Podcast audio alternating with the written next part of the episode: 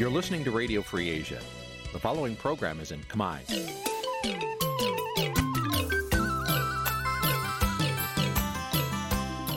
នេះជាកម្មវិធីផ្សាយ Vuthu Azizi Serai នេះជាកម្មវិធីផ្សាយរបស់ Vuthu Azizi Serai ជាភាសាខ្មែរ Vuthu Azizi Serai សូមស្វាគមន៍លោកអ្នកនាងទាំងអស់ពីរដ្ឋធានី Washington នៃសហរដ្ឋអាមេរិក សាយផ្ទាល់ពីរដ្ឋធានី Washington នាងខ្ញុំខែសុណងសូមជម្រាបសួរលោកនាងកញ្ញាប្រិយមិត្តអ្នកស្ដាប់វិទ្យុអាស៊ីសេរីទាំងអស់ជាទីមេត្រីចា៎យើងខ្ញុំសូមជូនកម្មវិធីផ្សាយសម្រាប់ព្រឹកថ្ងៃពុធមួយកើតខែមិញឆ្នាំឆ្លូវត្រីស័កពុទ្ធសករាជ2565ដែលត្រូវនឹងថ្ងៃទី2ខែកុម្ភៈគ្រិស្តសករាជ2022ចា៎ជាដំបូងនេះសូមអញ្ជើញលោកនាងស្ដាប់ព័ត៌មានប្រចាំថ្ងៃដែលមានមេត្តាដូចតទៅ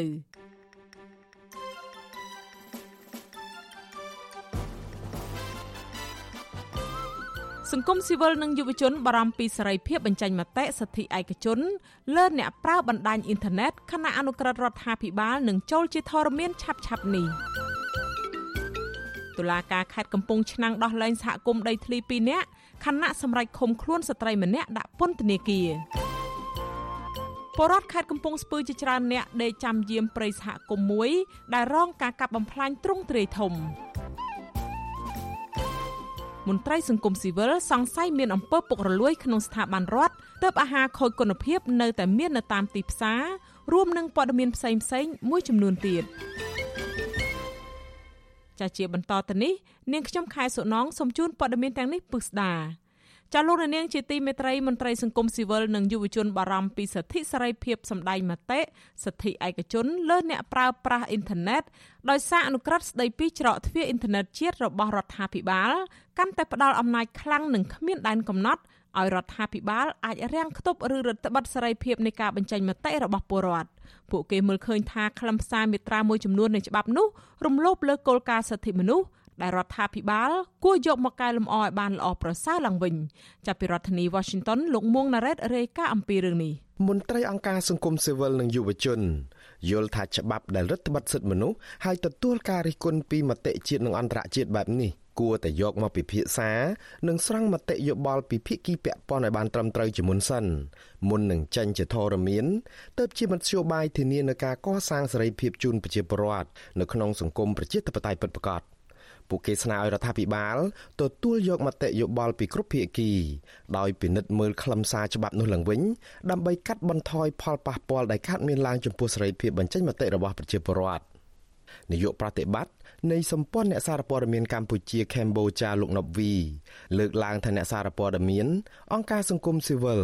អ្នកការពារសិទ្ធិមនុស្សនិងប្រជាពលរដ្ឋកំពុងតែប្រើប្រាស់អ៊ីនធឺណិតសម្រាប់ផ្សព្វផ្សាយនិងចែករំលែកព័ត៌មាន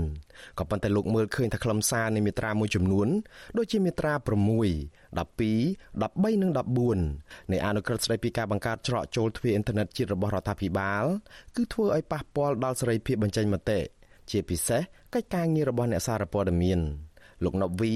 ក៏សម្គាល់ថាកន្លងមកក្រុមអង្គការសង្គមស៊ីវិលតែងតែស្នើឲ្យក្រសួងប្រៃសណីនិងទូរគមនាគមន៍កែសម្រួលខ្លឹមសារមេត្រាមួយចំនួន ដែលធ្វើឲ្យប៉ះពាល់ដល់អ្នកប្រើប្រាស់អ៊ីនធឺណិតដោយសារតែការបកស្រាយខ្លឹមសារមិនច្បាស់លាស់ធ្វើឲ្យរដ្ឋបတ်សិទ្ធិសេរីភាពរបស់ប្រជាពលរដ្ឋនិងផ្ដាល់សិទ្ធិអំណាចដល់អាជ្ញាធរក៏ប៉ុន្តែបែរជាដាក់បន្ទុកដល់ប្រតិបត្តិការអ៊ីនធឺណិតហើយអាជ្ញាធរអាចតាមដានរក្សាទិន្នន័យអ្នកប្រើប្រាស់ជាដើម។ កាលណាមានការបកស្រាយទូលាយបីជាអ្នកសារព័ត៌មានលោកផ្សព្វផ្សាយអីក៏ដោយដែលកាលណាអាជ្ញាធរលោកចោទប្រកាន់ថាវាមានផលប៉ះពាល់ដល់សិលធម៌វប្បធម៌ប្រពៃណីហើយអញ្ចឹងមានន័យថាគាត់អាចកាត់ផ្ដាច់គាត់អាចបិទការផ្សព្វផ្សាយនឹងបាននៅគ្រប់ពេលវេលាបើសិនជាតាមអនុក្រឹត្យនេះគឺมันមានការសម្រេចពីតុលាការអីទៅទៀតអញ្ចឹងទាំងអស់ហ្នឹងដែលយើងចង់ឲ្យសួងប្រៃសណីទូរគមនាគមន៍លោកទទួលយកយោបល់ដើម្បីពិនិត្យហើយនឹងធ្វើការ កែសម្រួលឲ្យកាន់តែល្អប្រសើរបញ្ហានេះក៏ធ្វើឲ្យមន្ត្រីសិទ្ធិមនុស្សព្រួយបារម្ភដែរអ្នកនាំពាក្យសមាគមការពារសិទ្ធិមនុស្សអាត់ហុកលោកសឹងសានករណាថ្លែងថារដ្ឋធម្មនុញ្ញការពារសិទ្ធិរបស់ប្រជាពលរដ្ឋខ្មែរគ្រប់រូបតែផ្ទុយទៅវិញលោកមើលឃើញថាអ្នកប្រើប្រាស់អ៊ីនធឺណិតរួមទាំងអ្នកប្រើប្រាស់ទូរស័ព្ទដៃនៅក្នុងប្រទេសត្រូវបានរងការរឹតបន្តឹង តាមដានហើយចោតប្រកាន់តាមប្រព័ន្ធតុលាការជាបន្តបន្ទាប់ដោយសារតែការសន្ទនាគ្នា ការផ្សព្វផ្សាយនិងចែករំលែកគំនិតយោបល់ពួកគេលើបណ្ដាញទាំងនោះលោកសង្សានករណីថានៅពេលដែលអនុក្រឹត្យច្រកទ្វារអ៊ីនធឺណិតជាតិចូលជាធរមាននោះវានឹងផ្ដល់អំណាចដល់រដ្ឋាភិបាលបន្ថែមទៀតនៅក្នុងការធ្វើទុកបុកម្នេញអ្នកប្រើប្រាស់បណ្ដាញទាំងនោះពីព្រោះខ្លឹមសារច្បាប់នេះរំលោភលើសិទ្ធិសេរីភាពបញ្ចេញមតិនិងសិទ្ធិឯកជនរបស់ប្រជាពលរដ្ឋ ជាពិសេសអ្នកដែលងាយរងគ្រោះជាងគេ គឺសកម្មជនសង្គមនិងនយោបាយដែលធ្វើឲ្យពួកគាត់កាន់តែប្រឈមនឹងការឆ្លប់យកការពីអាជ្ញាធរលើទិសដៅការងាររបស់ខ្លួនហើយបើសិនជាការចូលរួមទាំងអស់នោះបានធ្វើការរដ្ឋបတ်ដោយច្បាប់បែបនេះវាធ្វើឲ្យនេះហាក់បងទៅលើរដ្ឋាភិបាលទៅវិញទេពីព្រោះការចូលរួមទាំងអស់នោះនឹងមានការកាត់បន្ថយដោយសារតែការភ័យខ្លាចរបស់ខ្លួនចូលរួមអំពីការផ្ដល់នៅទស្សនៈមតិយោប ល់ការវិភាគអីផ្សេងផ្សេងហ្នឹងទៅដល់សាធារណជនឬក៏ការឆ្លើយឆ្លងផ្សេងមួយនឹងសារអេឡិចត្រូនិករបស់ខ្លួនហ្នឹងក៏មានការឈប់ដោយមានការព្រួយបារម្ភពីការតាមដានការចោតការចាប់ខ្លួនការចោតប្រកាន់ការខាត់បងមួយដែលយើងអាចបាត់ព័ត៌មានអំពីអ្វីដែលជាការព្រួយបារម្ភអ្វីដែលជាបញ្ហារបស់ប្រជាពលរដ្ឋ ជុំវិញរឿងនេះអ្នកនាំពាក្យក្រសួងប្រៃសណីនិងទូរគមនាគមន៍លោកមាសពោសុំមិនធ្វើអត្ថាធិប្បាយចំពោះកង្វល់នេះទេដោយលោកថារដ្ឋមន្ត្រីក្រសួងប្រៃសណីលោកជាវ៉ាន់ដេតធ្លាប់បានបកស្រាយរឿងនេះរួចទៅហើយវិទ្យុអាស៊ីសេរីមិនអាចតាក់ទងណែនាំពាក្យក្រសួងប្រៃសណីនិងទូរគមនាគមន៍លោកសូវិសុធីដើម្បីបកស្រាយជំរឿងនេះបាននៅឡើយទេនៅថ្ងៃទី1ខែកុម្ភៈ បើទោះបីជាយ៉ាងនេះក្តីកាលពីខែកុម្ភៈឆ្នាំ2021ក្រសួងប្រៃសណីនិងទូរគមនាគមន៍លើកឡើងនៅក្នុងសេចក្តីប្រកាសថាក្រសួងបានពិភាក្សាពិគ្រោះយោបល់ជាមួយនឹងអ្នកជំនាញប្រតិបត្តិការឯកជននិងស្ថាប័នពាក់ព័ន្ធជាច្រើនលើករួចមកហើយនិងអះអាងថាគ្មានបទបញ្ញត្តិណាមួយនៅក្នុងអនុក្រឹត្យនេះចែងអំពីការចាប់យកទិន្នន័យអ្នកប្រើប្រាស់និងការរដ្ឋបတ်សិទ្ធិសេរីភាពបញ្ចេញមតិនោះឡើយ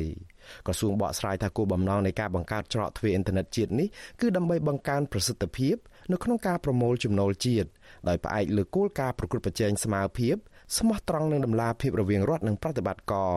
ព្រមទាំងជួយទប់ស្កាត់ការលួចតភ្ជាប់បណ្ដាញឆ្លងដែនខុសច្បាប់លបែងស៊ីសងអនឡាញខុសច្បាប់ ការគំរាមកំហែងតាមអ៊ីនធឺណិតរូបភាពអាហារភានិងបទល្មើសឆបោកតាមប្រព័ន្ធអនឡាញជាដើមទន្ទឹមនឹងនេះក្រសួងចោទក្រុមអង្គការសង្គមស៊ីវិលជាតិនិងអន្តរជាតិថាលើកបញ្ហានេះធ្វើជាការចោទប្រកាន់គ្មានមូលដ្ឋាន និងមានចរិតនយោបាយ។ បើទោះបីជាយ៉ាងនេះក្តីអនុក្រឹត្យច្រកទ្វារអ៊ីនធឺណិតជាតិនេះនឹងត្រូវអនុវត្តចាប់ពីថ្ងៃទី16ខែកុម្ភៈហើយការបញ្ជូនសេវាអ៊ីនធឺណិតគ្រប់ប្រភេទត្រូវតភ្ជាប់បណ្ដាញទៅវិញទៅមកនៅក្នុងប្រទេសនិងអន្តរជាតិដែលត្រូវគ្រប់គ្រងដោយរដ្ឋាភិបាលជំវិញក្តីកង្វល់នេះក្រៅពីមន្ត្រីសារព័ត៌មាននិងសិទ្ធិមនុស្សក្រមយុវជនឯណោះក៏ពួកគាត់បារម្ភដែរ យុវជនដែលកំពុងតែធ្វើការងារសង្គមលោកស្វាយសំណាងប្រាប់វិទ្យុអាស៊ីសេរីនៅថ្ងៃទី1ខែកុម្ភៈថាសប្តាហ៍យុវជន បានជ្រើសរើសយកបណ្ដាញអ៊ីនធឺណិតសម្រាប់ទំនាក់ទំនងឯកជននិងផ្សព្វផ្សាយសកម្មភាពរួមទាំងរឿងរ៉ាវផ្សេងៗនៅក្នុងសង្គមក៏ប៉ុន្តែពួកគាត់ព្រួយបារម្ភពីសុវត្ថិភាពជាខ្លាំងដោយសារតែអាជ្ញាធរតាមឆ្លប់យកការលើអ្នកប្រើប្រាស់សិទ្ធិរបស់ខ្លួនលើអ៊ីនធឺណិតនេះ។ ទន្ទឹមនឹងនេះលោកថាយុវជនខ្លះស្ទើរតែមិនហ៊ានបញ្ចេញមតិឬក៏ទស្សនៈរបស់ខ្លួននៅក្នុងសង្គមឡើយយុវជនរូបនេះបញ្ជាក់ថាលោកមិនគាំទ្រច្បាប់ដែលមានចរិតរដ្ឋបិទលើសិទ្ធិសេរីភាពរបស់ប្រជាពលរដ្ឋលើបណ្ដាញអ៊ីនធឺណិតបែបនេះទេដែលច្បាប់នេះលោកថាបំបត្តិសិទ្ធិប្រជាពលរដ្ឋនិងទទួលរងការរិះគន់ពីគ្រប់មជ្ឈដ្ឋានលោកស្វាយសំណាងបន្តទៀតថាច្បាប់នេះនឹងបើកដៃឲ្យអាជ្ញាធរមានអំណាចបង្ក្រាបប្រជាពលរដ្ឋគ្មានដែនកំណត់ ដូច្នេះលោកយល់ថាយុវជនបរិស្ថានធនធានធម្មជាតិនិងសង្គមដែលសកម្មឲ្យតែងតែរិះគន់អំពីភាពអសកម្មរបស់រដ្ឋាភិបាលនិងคล้ายជាផ្ទាំងស៊ីបឬក៏ជាគោលដៅនៃការធ្វើទុកបុកម្នេញរបស់អាជ្ញាធរកាន់តែខ្លាំងថែមទៀត។ស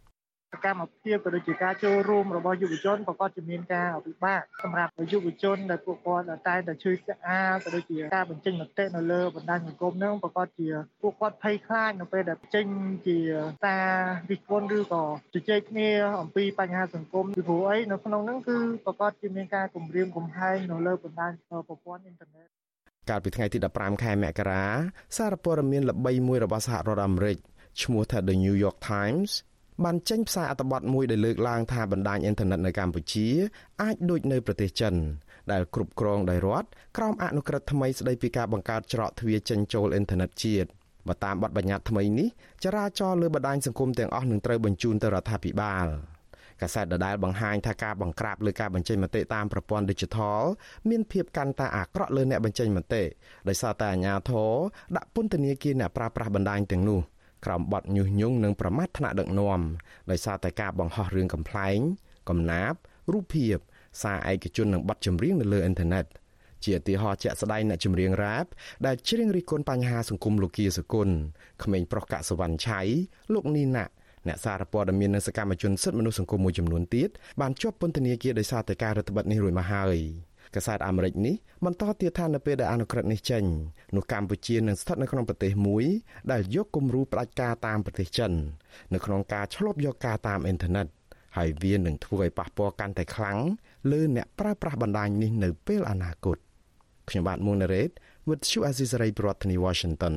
ចាលោកនាងជាទីមេត្រីចាតកតងទៅនឹងរឿងនេះដែរក្រុមអ្នកជំនាញអង្គការសហប្រជាជាតិកាលពីថ្ងៃទី31ខែមករាជំរុញឲ្យអាជ្ញាធរកម្ពុជា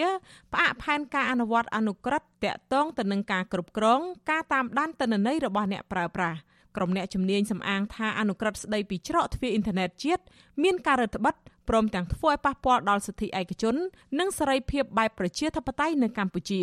ក្រុមអ្នកជំនាញលើកឡើងថាអនុក្រឹត្យដែលគ្រងនឹងចូលជាធរមាននៅថ្ងៃទី16ខែកុម្ភៈនឹងជះឥទ្ធិពលអវិជ្ជមានយ៉ាងធ្ងន់ធ្ងរលើសេរីភាពប្រព័ន្ធអ៊ីនធឺណិតទៅលើអ្នកការពារសិទ្ធិមនុស្សនិងសង្គមស៊ីវិលនៅក្នុងប្រទេសលើពីនេះអនុក្រឹត្យនេះនឹងធ្វើឲ្យលំហសិទ្ធិពលរដ្ឋដែលមានលក្ខណៈរដ្ឋបិទរួចទៅហើយនោះកាន់តែរួមតូចទៅទៀត។ អ្នកជំនាញបន្ថែមថាអនុក្រឹត្យនេះធ្វើឲ្យមានផលប៉ះពាល់អាក្រក់លើសិទ្ធិឯកជន និងបង្កើតភាពងាយគ្រោះថ្នាក់មួយប្រសិនបើព័ត៌មានទាំងនោះត្រូវបានគេប្រើខុសអ្នកជំនាញដដែលបញ្ជាក់ថាអនុក្រឹត្យនេះផ្ដល់អំណាចលើសលប់ដល់ប្រតិបត្តិការច្រកទ្វារអ៊ីនធឺណិតជាតិក្នុងការតាមដានគេហទំព័រដែលមនុស្សទូទៅចូលមើលរួមទាំងទិន្នន័យលម្អិតតាក់ទងរាល់ការចូលមើលគេហទំព័រទាំងនោះជាមួយគ្នានេះអនុក្រឹត្យនេះក៏នឹងអនុញ្ញាតឲ្យអាជ្ញាធរអាចបិទការចូលប្រើអ៊ីនធឺណិត ឬបិទគេហទំព័រឬដែនអ៊ីនធឺណិតជាក់លាក់ណាមួយតាមអំពើចិត្ត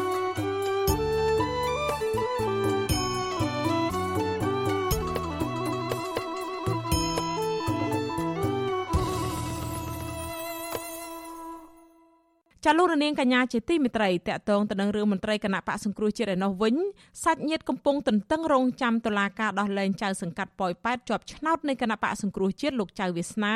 ដែលក្រុងនឹងធ្វើឡើងនៅពេលឆាប់ៗនេះក្រោយពេលដែលលោកអនុវត្តទោសពន្ធនាគារគ្រប់ចំនួន5ឆ្នាំគត់ មេធាវីនិងអ្នកការពារសិទ្ធិមនុស្សយល់ឃើញថា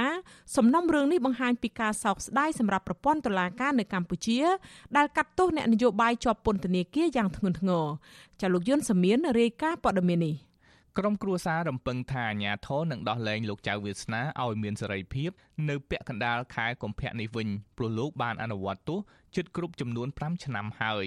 កូនស្រីរបស់លោកចៅវាសនាគឺលោកស្រីចៅរតនាប្រាប់វិទ្យុអស៊ីសេរីនៅថ្ងៃទី1កុម្ភៈថា ការចាប់ឃុំខ្លួនលោកចៅវាសនា5ឆ្នាំមកនេះមិនបានធ្វើឲ្យឪពុកលោកស្រីបាក់ស្បាតទេផ្ទុយទៅវិញលោកផ្ដាំផ្ញើពីពន្ធនាគារមកឲ្យកូនចៅពង្រឹងស្មារតីកុំតក់ស្លុតនឹងការដែលគេចាប់លោកដាក់ពន្ធនាគារនេះលោកចៅវាសនាក្នុងរយៈពេល5ឆ្នាំមកនេះបានថែរក្សាសុខភាពផ្លូវកាយនិងផ្លូវចិត្តបានល្អនៅក្នុងពន្ធនាគារ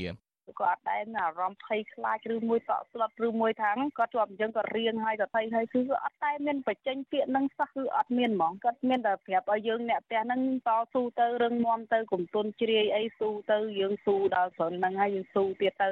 ចៅសង្កាត់ប៉ោយប៉ែតជាប់ឆ្នោតនៃគណៈបកសង្គ្រោះជាតិដែលមានដើមកំណើតជាខ្មែរកម្ពុជាក្រោមលោកចៅវាសនាគឺជាអ្នកនយោបាយគណៈបកប្រឆាំងមួយរូបដែលកំពុងជាប់ក្នុងពន្ធនាគារពីបទញុះញង់ឲ្យប្រើអំពើហិង្សាមានស្ថានទម្ងន់ទោសពាក់ព័ន្ធទៅនឹងករណីដែលលោកចុះឃ្លាំមើលកម្មករអូសរទេសតវ៉ានៅក្រុងប៉ោយប៉ែតកាលពីដើមឆ្នាំ2017តុលាការតាំងពីថ្នាក់ខេត្តដល់កំពូលបានសម្រេចទោសជាស្ថាពរ ឲ្យលោកជាប់ពន្ធនាគារចំនួន5ឆ្នាំ ដោយគ្មានការព្យួរឬបន្ធូរបន្ថយទោសសំបីតែមួយថ្ងៃ។មុនដំបូងអាជ្ញាធរបានចាប់លោកឃុំខ្លួននៅក្នុងពន្ធនាគារខេត្តបន្ទាយមានជ័យប៉ុន្តែនៅចុងខែវិច្ឆិកាឆ្នាំ2020អាជ្ញាធរបានបញ្ជូនលោកទៅឃុំនៅមណ្ឌលកែប្រែម៉3ឬហៅថាពន្ធនាគារត្រពាំង plong នៅខេត្តត្បូងឃ្មុំព្រំដែនកម្ពុជាវៀតណាមរហូតមកទល់ពេលនេះ មេធាវីការពារក្តីឲ្យលោកចៅវាសនា គឺលោកមេធាវីជូងជូងីឲ្យដឹងថាតាមច្បាប់កូនក្តីរបស់លោកនឹងត្រូវដោះលែងនៅម្ដុំពាក់កណ្ដាលខែកុម្ភៈនេះលោកមេធាវីយល់ថាកូនក្តីរបស់លោកមិនបានប្រព្រឹត្តកំហុសទេរីឯការចោទប្រកាន់នោះគឺជារឿងនយោបាយសុទ្ធសាធលោកសោកស្ដាយចំពោះតុលាការគ្រប់ជាន់ថ្នាក់ដែលកាត់ក្តីឲ្យលោកចៅវាសនា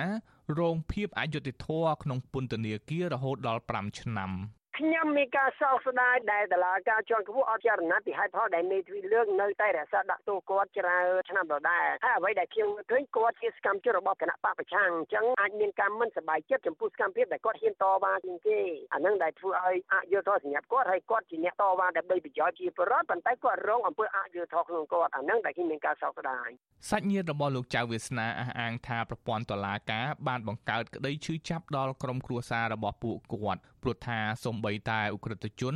មេខ្លោងគ្រឿងញៀនឬមេខ្លោងលក់ទ្រព្យសម្បត្តិជាតិក៏អាចទទួលបានការលើកលែងទោសឬសម្រាលទោសខ្លះដែរក្រោយអនុវត្តទោសបាន2ភាគ3រីឯមន្ត្រីគណៈបកប្រឆាំងរូបនេះវិញមិនត្រូវបានតុលាការបន្ធូរបន្ថយទោសអ្វីទាំងអស់អ្នកខ្លាំមើលសិទ្ធិមនុស្សហៅសំណុំរឿងលោកចៅវាសនាថាជាការធ្វើទុកបុកម្នេញផ្នែកនយោបាយ អ្នកនាំពាក្យសមាគមអាត6លោកសង្សានករណាអះអាងថាសំណុំរឿងលោកចៅវាសនានិងអ្នកនយោបាយគណៈបកប្រឆាំងផ្សេងទៀតមានភាពមិនប្រក្រតីតាំងពីដើមមកលោកបញ្ជាក់ថាក្រុមអង្គការសង្គមស៊ីវិលនៅតែបន្តអំពាវនាវឲ្យអាជ្ញាធរដោះលែងនិងបញ្ឈប់ការចាប់ខ្លួនអ្នកនយោបាយនៃគណៈបកសង្គ្រោះជាតិដើម្បីកុំឲ្យមានការរិះគន់បន្ថែមទៀត ខ្ញុំយល់ថាករណីលោកចៅវិស្នានេះក៏ជាផ្នែកមួយនៃការធ្វើទុកបុកម្នេញផ្នែកនយោបាយទៅលើសកម្មជនដែលគ្រប់គ្រងទៅលើគណៈបកប្រឆាំងហើយបាទរដ្ឋាភិបាលបានបង្កើនការចាប់ខ្លួនសកម្មជនគណបកប្រឆាំងឡើងវិញតាំងពីឆ្នាំ2020មកគិតត្រឹមឆ្នាំ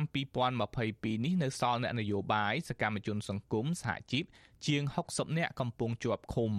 ក្រុមអង្គការសង្គមស៊ីវិលជាតិនិងអន្តរជាតិព្រមទាំងអ្នករាយការណ៍សិទ្ធិមនុស្សរបស់អង្គការសហប្រជាជាតិផងចាត់ទុករឿងក្តីប្រឆាំងលើសកម្មជននយោបាយសកម្មជនសង្គមសហជីពថាជាការធ្វើទុកបុកម្នេញដើម្បីបង្ក្រាបសម្លេងរិះគន់រដ្ឋាភិបាលតំណាងស្ថាប័នឃ្លាំមើលសិទ្ធិមនុស្សទាំងនោះទទូចឲ្យតុលាការទម្លាក់ចោលរាល់ការចោទប្រកាន់និងដោះលែងជនជាប់ឃុំទាំងនោះឲ្យមានសេរីភាពវិញដោយគ្មានលក្ខខណ្ឌខ្ញុំយុនសាមៀន វុទ្ធុអាស៊ីសេរីប្រធានាធិបតី Washington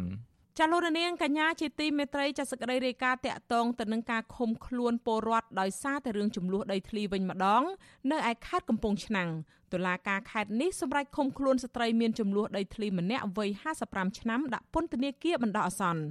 ចំណែកតំណាងសហគមន៍លពីង2អ្នកប្តីប្រពន្ធត្រូវបានតុលាការឲ្យត្រឡប់ទៅផ្ទះវិញ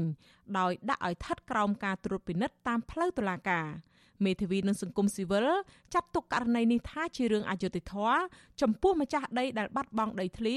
ហើយត្រូវជាប់ឃុំក្នុងពន្ធនាគារថែមទៀតចាសសូមស្ដាប់សេចក្តីរាយការណ៍នេះរបស់អ្នកស្រីសុជីវីចៅក្រមស៊ើបសួរនៃសាលាដំបងខេត្តកំពង់ឆ្នាំងចៅក្រមសំដារាសម្រាប់ឃុំខ្លួនលោកស្រីទួនសេនដាក់ពន្ធនាគារបណ្ដោះអាសន្ននៅថ្ងៃទី1ខែកុម្ភៈដើម្បីបន្តស៊ើបអង្កេតករណីវិវាទដីធ្លីនៅភូមិមលើក្នុងឃុំកោះថ្កូវស្រុកជលគិរី ឲ្យមានភាពច្បាស់លាស់ចំណែកតំណាងសហគមន៍លពីង2នាក់ប្តីប្រពន្ធគឺលោកស្ងួនញឿននិងលោកស្រីអ៊ុំសុភីត្រូវបានតុលាការដោះលែងឲ្យនៅក្រៅឃុំប៉ុន្តែដាក់ឲ្យស្ថិតនៅក្រោមការត្រួតពិនិត្យរបស់សមត្ថកិច្ចមូលដ្ឋានដោយត្រូវបង្ហាញខ្លួននៅមុខសមត្ថកិច្ចនៅពេលដែលមានការកោះហៅតុលាការចោទប្រកាន់លោកស្រីទួនសេនពីបទធ្វើឲ្យខូចខាតដោយចេតនានិងតំណាងសហគមន៍លពីង2នាក់ពីបទសំគំនិតធ្វើឲ្យខូចខាតដោយចេតនា ក្រោយពីតុលាការទទួលបានរបាយការណ៍របស់សមត្ថកិច្ចនិងបណ្ដឹងរបស់ពលរដ្ឋមានចំនួនដីធ្លីភៀកគីម្ខាងទៀតដែលចោទថាពួកគាត់បានដុតចម្បាំងរបស់គេអស់3គូយន្តកាលពីថ្ងៃទី29ខែមករាកន្លងទៅ តែទោះជាយ៉ាងណាពលរដ្ឋទាំង3នាក់អះអាងថាពួកគាត់មិនបានប្រព្រឹត្តកំហុសដោយការចោទប្រកាន់នោះទេហើយរឿងដែលកើតឡើងនេះគឺជាការរៀបចំប្រឌិតឡើងដោយអាជ្ញាធរភូមិកោះថ្កូវដើម្បីបំបាក់ស្មារតីពលរដ្ឋ ឲ្យឈប់ប្តឹងតវ៉ាទាមទារដំណោះស្រាយរឿងដីធ្លីតទៅទៀតតំណាងសហគមន៍លពីងលោកស្ងួនញឿនឲ្យដឹងថាលោកស្រីទួនសេនគ្រាន់តែដុតសម្រាមជញ្ជ្រាំងស្រូវនិងចម្បាំងនៅក្នុងដីរបស់គាត់នៅម៉ោង4ទៀបភ្លឺកាលពីថ្ងៃទី29ខែមករាប៉ុន្តែសមត្ថកិច្ចមេភូមិមេឃុំចោតប្រកាន់លោកស្រីហើយនឹងរូបលោកព្រមទាំងប្រពន្ធថាបានទៅដុតចម្បាំងរបស់ពលរដ្ឋនៅក្បែរនោះអស់3គោយន្តទៅវិញ។ លោកបន្តទៀតថាអាញាធរបានដកហូតទូរស័ព្ទដៃរបស់លោកលុបរូបភាពនិងវីដេអូដើម្បីបំបត្តិភ័ស្តុតាងព្រោះនៅទីតាំងនោះគឺគ្មានផេះចម្បាំងដែលឆេះនៅសេសសល់ដោយការចោទប្រកាន់ពីភៀកគីម្ខាងទៀតនោះទេលោកបញ្ជាក់ថាអាញាធរបានបង្ខំពួកគាត់ផ្តិតមេដៃទទួលកំហុសស្របទៅតាមរបាយការណ៍របស់សមត្ថកិច្ចប៉ុន្តែពួកគាត់មិនព្រមខ្ញុំអាណិតលោកស្រីទួនសែនមែនតើដោយសារតែគាត់គឺជាអ្នករងគ្រោះដីធ្លី ហើយត្រូវបានភាគីមកខាងទៀតនឹងធ្វើរោងគោនៅលើដីគាត់ហើយហាគាត់ដុតសម្រាមសោះ បែរជាប្តឹងគាត់ថាដុតចំបើ3គូយន្តខ្ញុំនៅនោះហើយក៏វាមិនឃើញឆេះហើយ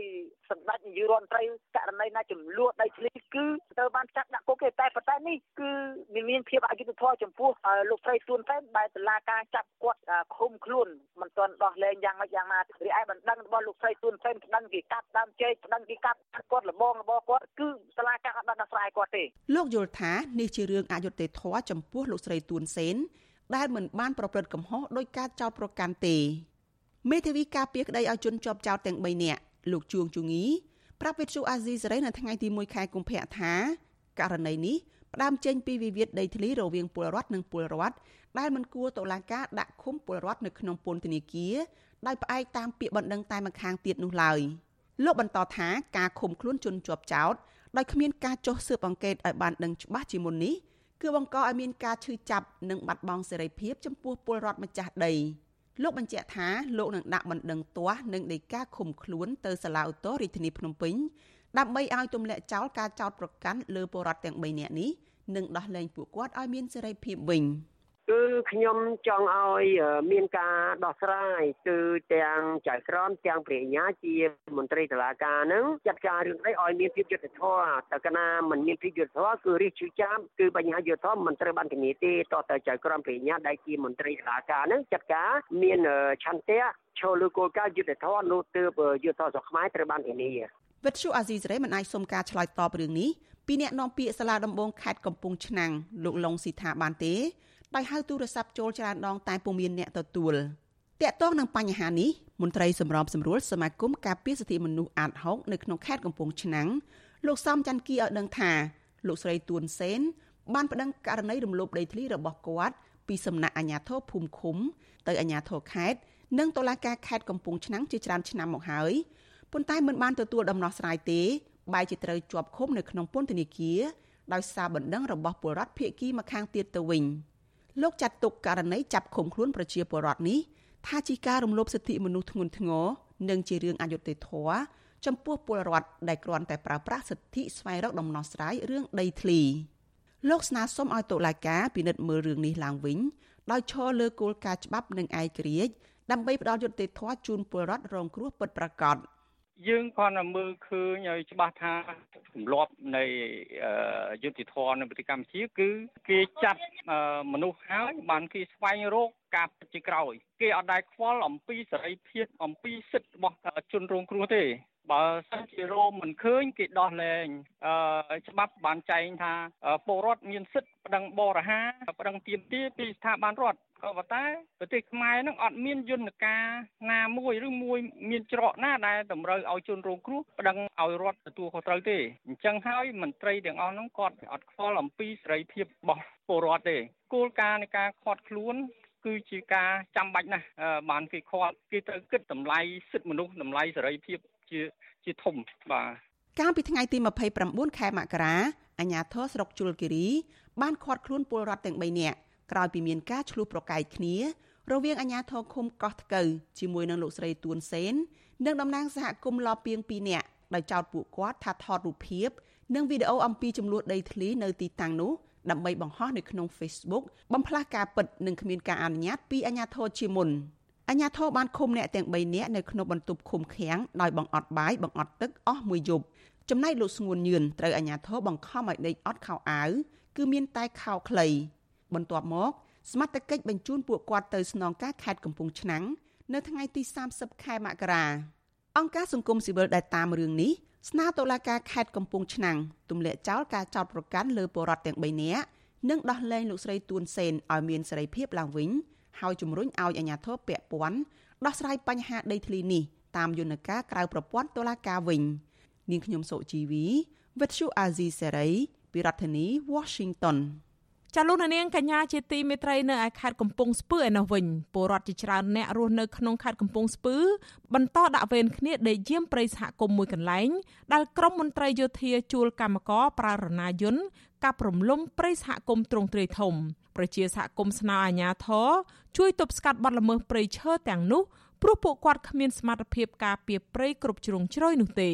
ចាលោកមានរិទ្ធរាយការណ៍អំពីរឿងនេះពលរដ្ឋរាប់សិបនាក់រស់នៅភូមិពោមៀ ឃុំតពាំងជោនៃស្រុកអរ៉ាល់បានដាក់វេនគ្នាដេកយាមព្រៃសហគមន៍ឧត្តមស្រែខ្ពស់អស់រយៈពេលជាង20ថ្ងៃមកហើយដែលត្រូវបានក្រមមន្ត្រីយោធា70ជួលកម្មករជាច្រើនអ្នកឲ្យយករណាយន្តកាប់ផ្ដួលរំលំដើមឈើដើម្បីយកដីធ្វើកសិកម្មអ្នកភូមិថានៅរយៈពេលជាង3សប្តាហ៍ចុងក្រោយនេះព្រៃសហគមន៍នេះត្រូវបានគេកាប់ទន្ទ្រានដាច់ដដុំដដុំអស់ជាង30ហិកតា សមាជិកសហគមន៍លោកខុនសារិតប្រវិសុយស៊ីស្រីនៅថ្ងៃទី1ខែកុម្ភៈថា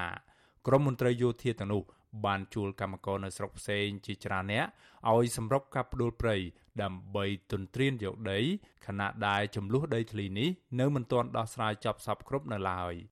លោកខកចិត្ត ក្នុងពេលដែលពលរដ្ឋក្លាហានលះបង់ទាមទារអភិរក្សព្រៃសហគមន៍ដើម្បីជាប្រយោជន៍ជាតិក៏ប៉ុន្តែបែរជាជាប់បណ្ដឹងនៅតុលាការ ដើម្បីគំរាមកំហែងបំបាក់ស្មារតីអ្នកភូមិមិនឲ្យងើបតវ៉ា ខ្ញុំថាបើនៅតែលួចកាប់អញ្ចឹងអត់ទេពិបាកទប់ស្កាត់ខ្លាចតែអស់ព្រៃទម្រាំតែមានដំណោះស្រាយខ្លាចព្រៃនឹងវាអស់បាត់គួរតែអាជ្ញាធរនឹងគាត់ដីម្ដុំនឹងឲ្យប្រជាពលរដ្ឋការពារដែលទៅហើយកន្លែងកន្លែងព្រៃរបស់ប្រជាពលរដ្ឋការពារមកច្រើនឆ្នាំហើយហើយវាជាកន្លែងមើលគូមើលក្បីជាកន្លែងចម្រោកសត្វហើយវាមានកន្លែងសក្ការៈបូជានៅនឹងមានវត្តអារាម មានសត្វនៅនឹងហើយគួរណាស់តែរដ្ឋាភិបាលនឹងមេត្តាជួយទុកកន្លែងនឹងសម្រាប់ប្រជាពលរដ្ឋទាំងទៅ កាលពីចុងឆ្នាំ2021ពលរដ្ឋជិត1000គ្រួសារបានផ្តិតមេដាយស្នើឲ្យអាជ្ញាធរស្រុកនិងខេត្តបញ្ឈប់គម្រោងកាត់ជ្រៀលដីព្រៃសហគមន៍មួយនេះដើម្បីបែងចែកឲ្យគ្រួសារកងទ័ពបង្កឲ្យប៉ះពាល់ដល់ព្រៃឈើសត្វព្រៃនិងកន្លែងរកអនុផលព្រៃឈើរបស់ពលរដ្ឋក៏ប៉ុន្តែមកទល់ពេលនេះមិនទាន់មានដំណោះស្រាយនៅឡើយទេប្រជាសហគមន៍រស់នៅភូមិពូមាសលោកឆនធាសោកស្ដាយដែលព្រៃសហគមន៍នេះ កាន់តែរួមតូចទៅរួមតូចទៅ ដោយសារតែខ្វះការយកចិត្តទុកដាក់ថែទាំនិងអភិរក្សឲ្យបានច្បាស់លាស់លោកថាព្រៃនេះជាជំរកសំខាន់របស់សត្វព្រៃជាច្រើនប្រភេទហើយក៏ជាកន្លែងគោរពបូជាបែបព្រះពុទ្ធសាសនាដែលមានអាស្រមព្រះសង្ឃតាជីនិងយាជីស្នាក់អាស្រ័យមិនគួរបំផ្លិចបំផ្លាញក្រមរូបភាពនៃការផ្ដោតដីសម្បត្តិសង្គមគិច្ចនោះទេ លោកថាបំណងរួមរបស់ពលរដ្ឋចំនួន3ភូមិគឺចង់ទុកព្រៃឲ្យបានគង់វង្សដើម្បីឲ្យអ្នកភូមិមានកន្លែងខ្វៀលគោក្របីរោគថ្នាំបុរាណរោគអនុផលព្រៃឈើអភិរក្សជីវៈចម្រុះនិងបំរើឲ្យវិស័យទេសចរនៅក្នុងតំបន់ត្រូវជន់យោធាមក នាំកម្លាំងប្រជាជនពីនេះពីនោះដេញពីខាងនេះទៅរោពីខាងនោះដេញពីខាងនោះទៅរោខាងនោះរោបន្តមកកាប់ផ្កាយ៉ាងរុករៀនដីព្រៃសហគមន៍យើងខ្ញុំអត់ទេចុះពួកខ្ញុំមានថារួមគ្នាការពារហ្នឹងមកព្រោះព្រៃនេះវាមានសក្តានុពលដល់ថ្ងៃក្រោយទៅយើងអាចនឹងជាតំបន់អេកូទេសចរមួយដ៏សំខាន់ជីវៈចម្រុះឆ្លើយតបទៅនឹងការលើកឡើងនេះអភិបាលខេត្តកំពង់ស្ពឺលោកវីសំណាង មានប្រសាសន៍ថាអាញាធរជំនាញនឹងប្រឹងប្រែងសម្របសម្រួលពន្យល់ពលរដ្ឋដែលអះអាងថាតំបន់នោះជាដីសហគមន៍ប៉ុន្តែពុំមែនជាដីព្រៃសហគមន៍ភូមិពូមាសនោះទេព្រោះពុំមានចែងនៅក្នុងប្រកាសរបស់ក្រសួងកសិកម្មលោកបញ្ជាក់ថាដីព្រៃមានចំនួននោះគឺជាដីព្រៃបំរុងទុកអចិន្ត្រៃយ៍របស់រដ្ឋ បានឲ្យមន្ត្រីខ្ញុំចុះទៅទៀងទាត់គឺមិនស្ថិតនៅក្នុងដែនសហគមន៍របស់គាត់ទេប៉ុន្តែគាត់ចេះតែពន្លាតបើន័យពន្លាតវិសាលភាពរបស់សហគមន៍គាត់គាត់ចេះថាទៅហើយយើងមិនបន្ទោសគាត់ទេដោយសារថាគាត់ស្រឡាញ់ព្រៃឈើអញ្ចឹងណាព្រៃសហគមន៍ឧត្តមស្រែខ្ពស់ឬហៅថាព្រៃមេតាធម្មជាតិគឺជាផ្នែកមួយនៃដែនជម្រកសត្វព្រៃភ្នំមរ៉ាល់ហើយត្រូវបានចុះបញ្ជីទទួលស្គាល់ជាព្រៃអភិរក្សពីក្រសួងបរិស្ថានកាលពីឆ្នាំ2002 ព្រៃសហគមន៍នេះមានផ្ទៃដីប្រមាណ2000ហិកតាក៏ប៉ុន្តែបច្ចុប្បន្នព្រៃនេះកាន់តែរួមតូច នៅសល់តែ800ហិកតាប៉ុណ្ណោះដោយសារតែមានការរំលោភបំពានជាបន្តបន្ទាប់ពីក្រុមហ៊ុនឯកជន និងឈ្មួញខលខូចមួយចំនួនមន្ត្រីសម្របសម្រួលគម្រោងនៃសមាគមបណ្ដាញយុវជនកម្ពុជាហៅកាត់ថា CYN លោកអូតឡាទីនយល់ថាអាញាធរខេត្តមិនគួរមើលរំលងក្តីកង្វល់រួមនឹងការទៀមទារបស់ពលរដ្ឋនោះទេព្រោះតំបន់ដែលពួកគាត់ទៀមទាសម្បូរដោយសត្វព្រៃនិងព្រៃឈើបន្សល់ទុកចុងក្រោយនៅតំបន់នោះលោកថាអាញាធរគួរតែដោះស្រាយឲ្យបានរួចរាល់ជាមុនសិនមុននឹងសម្រេចឲ្យមន្ត្រីយោធាកាប់ទន្ទ្រានព្រៃដើម្បីឲ្យពលរដ្ឋស្ងប់ចិត្តជៀសវាងបញ្ហានេះកាន់តែរីកធំឡើង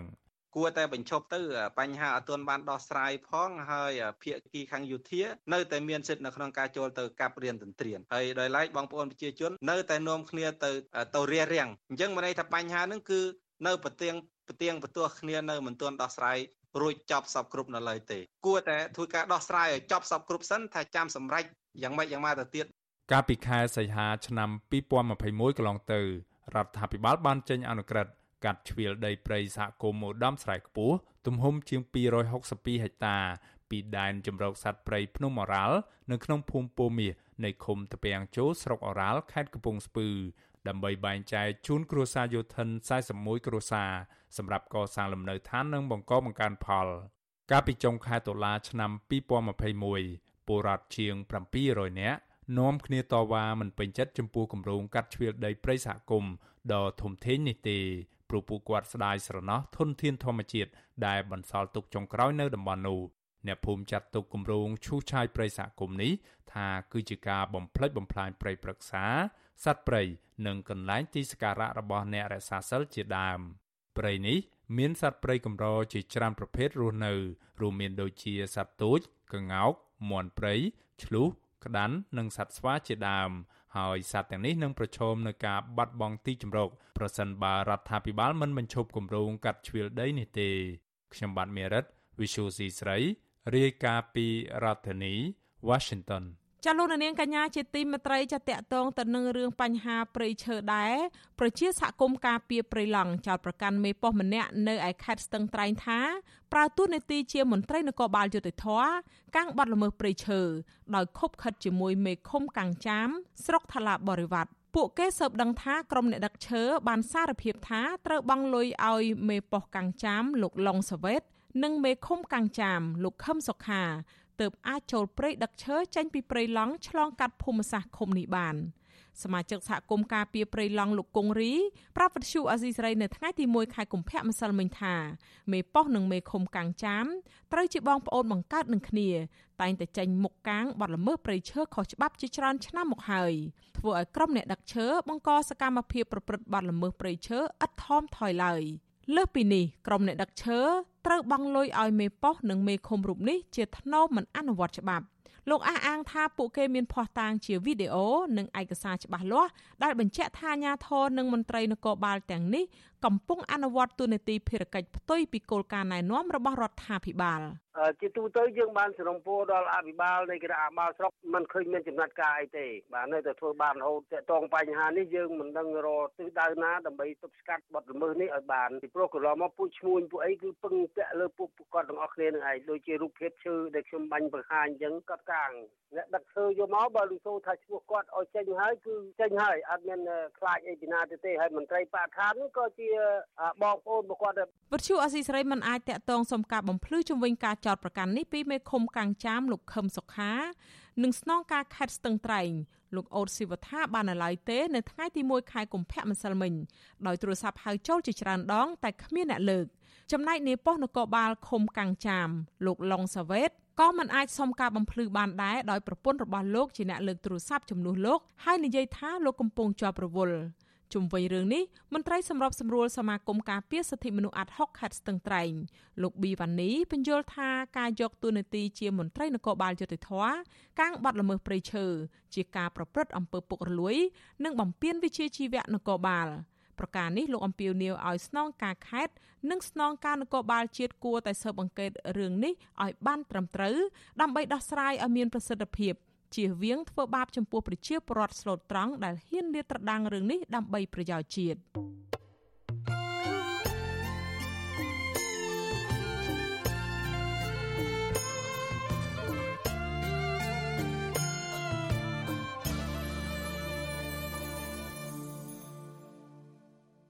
ចាលោកនាងកញ្ញាជាទីមេត្រីចាតតងទៅនឹងការរីករាលដាលនៃជំងឺ Covid-19 វិញម្ដងកម្ពុជារកឃើញអ្នកឆ្លងជំងឺ Covid-19 ចំនួន35អ្នកបន្ថែមទៀតជាប្រភេទមេរោគបំផ្លែងថ្មីអូមីក្រុងទាំងអស់ក្នុងនោះ28អ្នកឆ្លងក្នុងសហគមន៍និង7អ្នកជាករណីនាំចូលពីក្រៅប្រទេស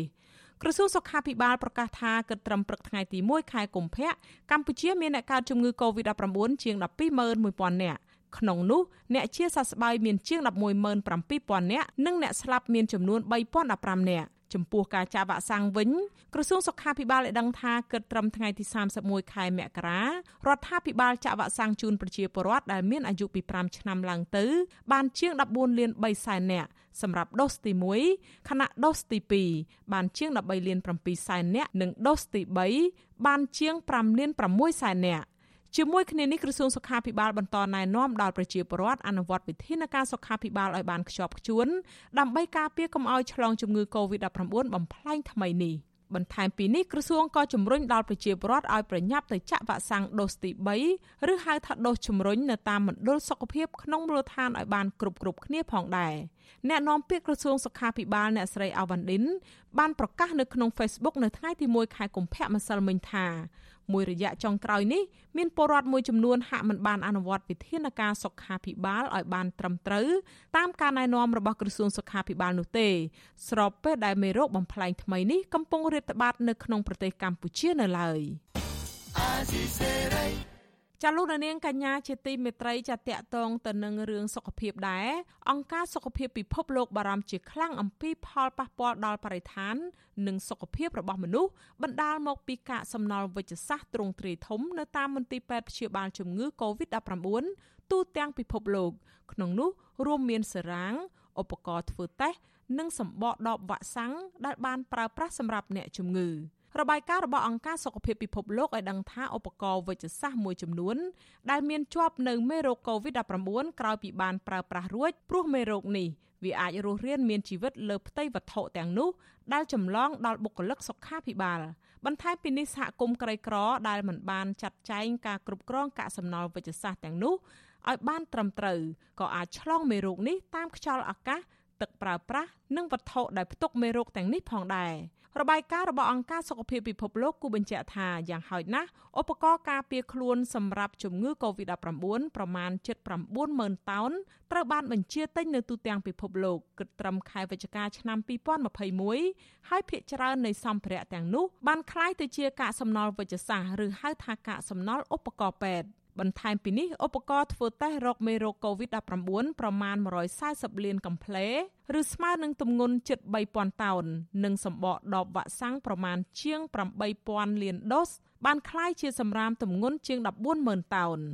របាយការណ៍របស់អង្គការសុខភាពពិភពលោក សង្កត់ធ្ងន់ថាសំបីតែមុនការរាលដាលសកលនៃជំងឺ Covid-19 កន្លែងថែទាំសុខភាពចំនួន1ភាគ3គឺប្រមាណ60%នៅក្នុងប្រទេសក្រីក្រមិនបានគ្រប់គ្រងកាកសំណល់វិជ្ជសាស្ត្រឲ្យបានត្រឹមត្រូវនោះឡើយ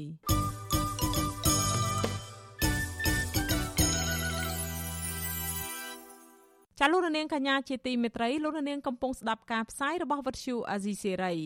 មន្ត្រីអង្គការសង្គមស៊ីវិលសង្ស័យថាមានអំពើពុករលួយក្នុងស្ថាប័នរដ្ឋទើបអាហារខូចគុណភាពនិងមានសារធាតុគីមី ដែលប៉ះពាល់ដល់សុខភាពអ្នកប្រើប្រាស់នៅតែបន្តនាំចូល និងមានលក់នៅតាមទីផ្សារតើមានបញ្ហាអ្វីខ្លះចំពោះរឿងនេះចាសសូមលោកនាងរងចាំស្ដាប់សេចក្តីរាយការណ៍នេះពុស្ដានៅពេលបន្តិចទៀតនេះ។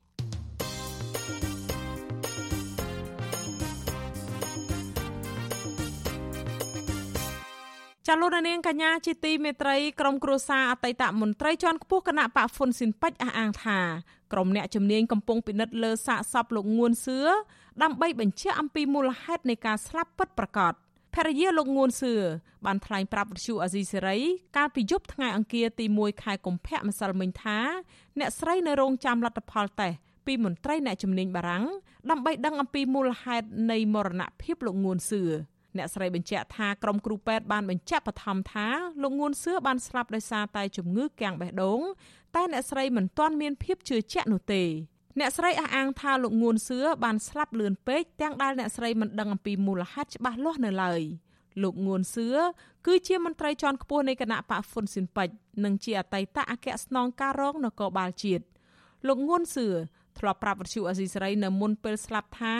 លោកធ្លាប់បន្លំខ្លួនចូលទៅរស់នៅកម្ពុជាវិញ ជាង10ឆ្នាំក្រោយពីមានដីកាតាមចាប់ខ្លួនពីប៉ូលីសអង្គតប៉ូល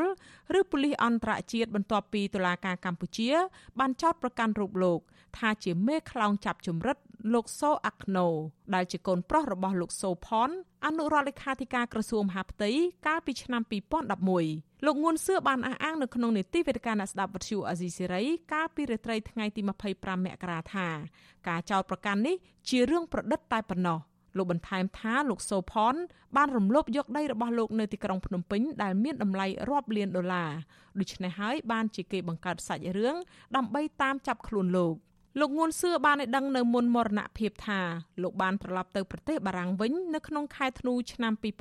2021នៅក្រៅពេលដែលលោកបានរត់គេចទៅប្រទេសថៃហើយត្រូវបានប៉ូលីសថៃចាប់បញ្ជូនមកបារាំងវិញដោយសារតែលោកមានសញ្ជាតិបារាំងចានៅក្នុងនីតិវេទិកានៃស្ដាប់វត្ថុអាស៊ីសេរីលើកចុងក្រោយកាលពីរាត្រីថ្ងៃអង្គារទី25ខែមករាដដែលនោះ លោកងួនសឿបានរៀបរាប់ពីលោកហុកឡង់ឌីជាអតីតអគ្គស្នងការនគរបាលជាតិជាអ្នកបញ្ជាកូនចៅរបស់ខ្លួនឲ្យទៅបាញ់សម្លាប់លោកហូសុករដ្ឋលេខាធិការក្រសួងមហាផ្ទៃនិងមន្ត្រីជាន់ខ្ពស់គណៈបកហ្វុនស៊ិនប៉ិចជាច្រើនអ្នកទៀតរួមទាំងលោកជាវិជាផង លោកងួនសឿចោទថាលោកហុកឡង់ឌីធ្វើតាមបញ្ជារបស់លោកហ៊ុនសែនមកទល់ពេលនេះរដ្ឋាភិបាលនៅមិនទាន់ឆ្លើយតបជាផ្លូវការជំវិញការចោទប្រកាន់នេះនៅឡើយទេ ចាលោកនាងជាទីមេត្រីតកតងទៅនឹងរឿងនេះដែរឥឡូវនេះសូមអញ្ជើញលោកនាងស្ដាប់បទសម្ភាសន៍មួយរវាងលោកជុនច័ន្ទបុតនិងភរិយាលោកងួនសឿដែលបានធ្វើឡើងកាលពីរាត្រីថ្ងៃទី1ខែកុម្ភៈម្សិលមិញជុំវិញស្ថានភាពស្វាមីអ្នកស្រីនៅមុនពេលស្លាប់ដូចតទៅសូមអនុញ្ញាតសម្ភាសផ្ទាល់ជាមួយនឹងអ្នកស្រីសឿដែលជាភរិយារបស់លោកងួនសឿពីប្រទេសបារាំងបាទខ្ញុំបាទសូមជម្រាបសួរអ្នកស្រីពីចម្ងាយបាទចាជម្រាបសួរលោកជឿនច័ន្ទបុត បាទមុននឹងសម្ភារនេះខ្ញុំបាទក៏សូមចូលរួមសោកស្ដាយចំពោះមរណភាពរបស់លោកងួនសឿភ្លាមភ្លាមបែបនេះអ្នកស្រីថានៅតែមិនទាន់អស់ចិត្តទេ ហើយថាពីខាងក្រមគ្រូពេទ្យនោះអះអាងថាលោកងួនសឿស្លាប់ដោយជំងឺកាំងបេះដូងហេតុអ្វីបានជាអ្នកស្រីនៅមិនទាន់ទទួលយកបាននៅការសន្និដ្ឋានពីក្រមគ្រូពេទ្យបែបនេះបាទរឿងនេះវាលឿនពេកសម្រាប់ខ្ញុំទី1ណា ហើយទី2បន្ទាប់ពីចេញសន្អឺស្អីសារព័ត៌មានសម្ភាសជាមួយលោកជួនច័ន្ទបុតហើយពីរដងពីកើតមានរឿងនឹងឡើងដល់ហើយទាំងអស់នឹងធ្វើឲ្យខ្ញុំមានការសង្ស័យមានការមិនអស់ចិត្តដូច្នេះបានជាខ្ញុំទទួលយកមិនបានបាទ មុនពេលដែលគាត់ទទួលមរណភាពនេះតើគាត់មានជំងឺអីទេមានអ្នកខ្លះនៅស្រុកបារាំងនឹងនៅពេលដែលខ្ញុំបាទទូរស័ព្ទតាក់ទងទៅពេលដែលដឹងថាលោកងួនសឿទទួលមរណភាពទៅអ្នកខ្លះថាគាត់នឹងមានជំងឺមហារីកប្រព័ន្ធតម្រងនោមកម្រិតធ្ងន់ហើយដូច្នេះហើយបានជាលោកនឹងជ្រុះសក់រហូតដល់ពេលដែលធ្វើសម្ភារជាមួយអាស៊ីសេរីនឹងត្រូវពាក់មួកអីជាដើមដើម្បីកុំឲ្យឃើញការជ្រុះសក់អីជាដើមតើទំនឹងនឹងពិតទេតើគាត់ប្រកាសជាមានជំងឺប្រចាំកាយជាពិសេសជំងឺមហារីកកម្រិតធ្ងន់នឹងដែរទេបាទខ្ញុំសោកបន្តិចទៅចោះទោះបីខ្ញុំកំពុងតែមានទុកណាអឺប្តីខ្ញុំគាត់ណែអត់សក់នឹងតាំងពីអាយុ30ជាងពីលើក៏ប៉ុន្តែពីខាងគាត់មានទាំងអស់មិនមែនអត់ទេដូច្នេះមិនមែនបញ្ជាក់ថាពាក់មួកហ្នឹងណា ដោយសារគាត់កើតមហារីកអស់សក់នោះគឺថាត្រង់ហ្នឹងវាខុសទាំងអស់ហើយខុសទាំងស្រុងណាហើយអ្នកដែលនិយាយខ្ញុំឆ្ងល់ដែរអ្នកដែលនិយាយថាប្តីខ្ញុំកើតជំងឺមហារីកអឺលំដាប់ទី1ទី2ណាខ្ញុំមិនដឹងទេក៏ប៉ុន្តែខ្ញុំសូមជម្រាបថាហេតុអីបានជាអ្នកអឺដែលហ៊ានអះអាងណានិយាយដូច្នេះខ្ញុំសូម បញ្ជាក់ថាតើខ្ញុំជាប្រពន្ធលោកងួនសឿឬក៏អ្នកនោះជាប្រពន្ធរបស់លោកងួនសឿបាទដូច្នេះគាត់មិនមានជំងឺទេមុននឹងគាត់ទទួលមរណភាពនេះបាទអឺប្តីខ្ញុំមានសុខភាពល្អណាស់ណាព្រោះជាពិសេសនៅស្រុកបារាំងប្រទេសបារាំងលោកជួនច័ន្ទបុតទៅស្គាល់ហើយវិជាពេទ្យរបស់បារាំងដូច្នេះប្តីខ្ញុំល្អទាំងបេះដូងល្អទាំងរឿងផ្សេងផ្សេងទៀតសូម្បីតាតូកូលេស្តេរ៉ុលក៏គ្មានផងនៅក្នុងខ្លួន ហើយបើនិយាយពីតង់ចុងវិញ13 14 14កន្លះយ៉ាងច្រើនថាបរិមងបៀងលោកច័ន្ទបុតល្អចាបាទអញ្ចឹងមានស្ថានភាពអីកើតឡើងខ្លះនៅពេលដែលមុនគាត់ទទួលមរណភាពថ្ងៃទីថ្ងៃសៅរ៍ទី29មករានឹងតើតើមានហេតុការណ៍អីកើតឡើងខ្លះនៅចំពោះគាត់ទៅស្លាប់នៅតាណាហើយគាត់តាក់ទងអ្នកណាជាចុងក្រោយបាទ អឺខ្ញុំមិនដឹងថាគាត់តាក់ទងអ្នកណាទេព្រោះខ្ញុំជាមនុស្សដែលមិនចូលចិត្តរកគួនក្នុងការងាររបស់មនុស្សប្រុសហើយដែលស្លាប់គាត់ស្លាប់នៅក្នុងផ្ទះតែម្ដងហើយអាការៈបែបណាដែរមុននឹងគាត់ស្លាប់បាទគ្មានអាការៈអីទាំងអស់គាត់គ្រាន់តែប្រាប់ខ្ញុំប្រហែលជាម៉ោង2ភ្លឺយប់ថ្ងៃសុក្រគាត់ថាគាត់គេជើឈឺទ្រូងហើយខ្ញុំនឹងសួរគាត់ថាឈឺរបៀបម៉េចគាត់ថាឈឺក្តៅ ហើយគាត់ថាអីលាបប្រេងកាឡាឲ្យគាត់បន្តិចមកខ្ញុំរត់ប្រេងកាឡាឲ្យគាត់ខ្ញុំថាអត់ទេខ្ញុំត្រូវហៅពេទ្យហើយពេលនោះដែលខ្ញុំហៅពេទ្យសង្គ្រោះពេលដែលខ្ញុំលាបប្រេងកាឡាឲ្យគាត់នឹងបាទហើយគាត់ត្អូញថាឈឺទ្រូងហើយបន្ទាប់មកទៀតយ៉ាងម៉េចទៅបាទអឺគាត់អត់មានថាម៉េចទាំងអស់បាទគាត់ថ្មិចភ្នែកអឺនៅស្ងៀមมันមានมันមានស្អីដែលគួរឲ្យខ្ញុំចាប់អារម្មណ៍ហើយខ្ញុំប្រាប់គាត់ថាអេនិយាយដល់ខ្ញុំណាអឺ បងទឿណែនិយាយកុំអត់និយាយដកដង្ហើមណែបញ្ចេញដង្ហើមឲ្យបានវែងវែងគាត់ថាអឺគាត់សុំសម្រាប់បន្តិចកុំរំខានគាត់តែតែខ្ញុំនៅតែនិយាយជាមួយគាត់ដដែលទេណាបាទចាហើយដល់អញ្ចឹងទៅឡានសង្គ្រោះក៏មកទាន់ទៅចាពេលហ្នឹងបាទអញ្ចឹងពេលដែលឡានសង្គ្រោះមកហ្នឹងគាត់នៅមានដង្ហើមនៅឡើយទេ អឺមិនថាថាមានដង្ហើមក៏បានមិនថាក៏បានព្រោះពេលហ្នឹងខ្ញុំមើលភ័យពេកខ្ញុំព្រួយពេកខ្ញុំមើលមិនដឹងថាម៉េចជំរុំជំរាបជូលោកជួនច័ន្ទបតទេពួកខ្ញុំភ័យជ្រុលបាទតែគាត់ខ្ញុំដឹងថាដែលឡានមកដល់ហ្នឹងគឺខ្ញុំហើយនឹងគាត់នឹងនៅនិយាយគ្នានៅឡើយទេតែមិនបានផ្ដាំផ្ញើអីទេណាព្រោះគ្រាន់តែថាសុំសម្រាប់បន្តិចអឺ ខ្ញុំយល់អំពីស្ថានភាពដែល មានជំងឺធ្ងន់ធ្ងរបែបនេះហើយមិនបានអារម្មណ៍នឹងអាចប្រមូលផ្ដុំអារម្មណ៍ដើម្បីឲ្យរឹងមាំបាននៅពេលហ្នឹងខ្ញុំបាទចង់សួរថយក្រោយបន្តិចវិញមុនពេលដែលគាត់ស្លាប់នឹងតើគាត់បានចេញទៅក្រៅទេឬមួយក៏គាត់នៅតែផ្ទះរហូតទេថ្ងៃពហុថ្ងៃសុក្រថ្ងៃសៅរ៍នឹងនៅតែផ្ទះរហូតទេឬក៏យ៉ាងណាបាទហើយមានគាត់មានភាសាអីដែលប្លែកពីធម្មតាទេអឺ ទម្លាប់របស់ប្តីខ្ញុំណាគ្រួសារខ្ញុំគាត់ទៅមានរ៉ូឌីវូចេញក្រៅចេញចូលអីជាធម្មតាបានន័យថាមានការទៅក្រៅត្រឡប់មកវិញដូចតែ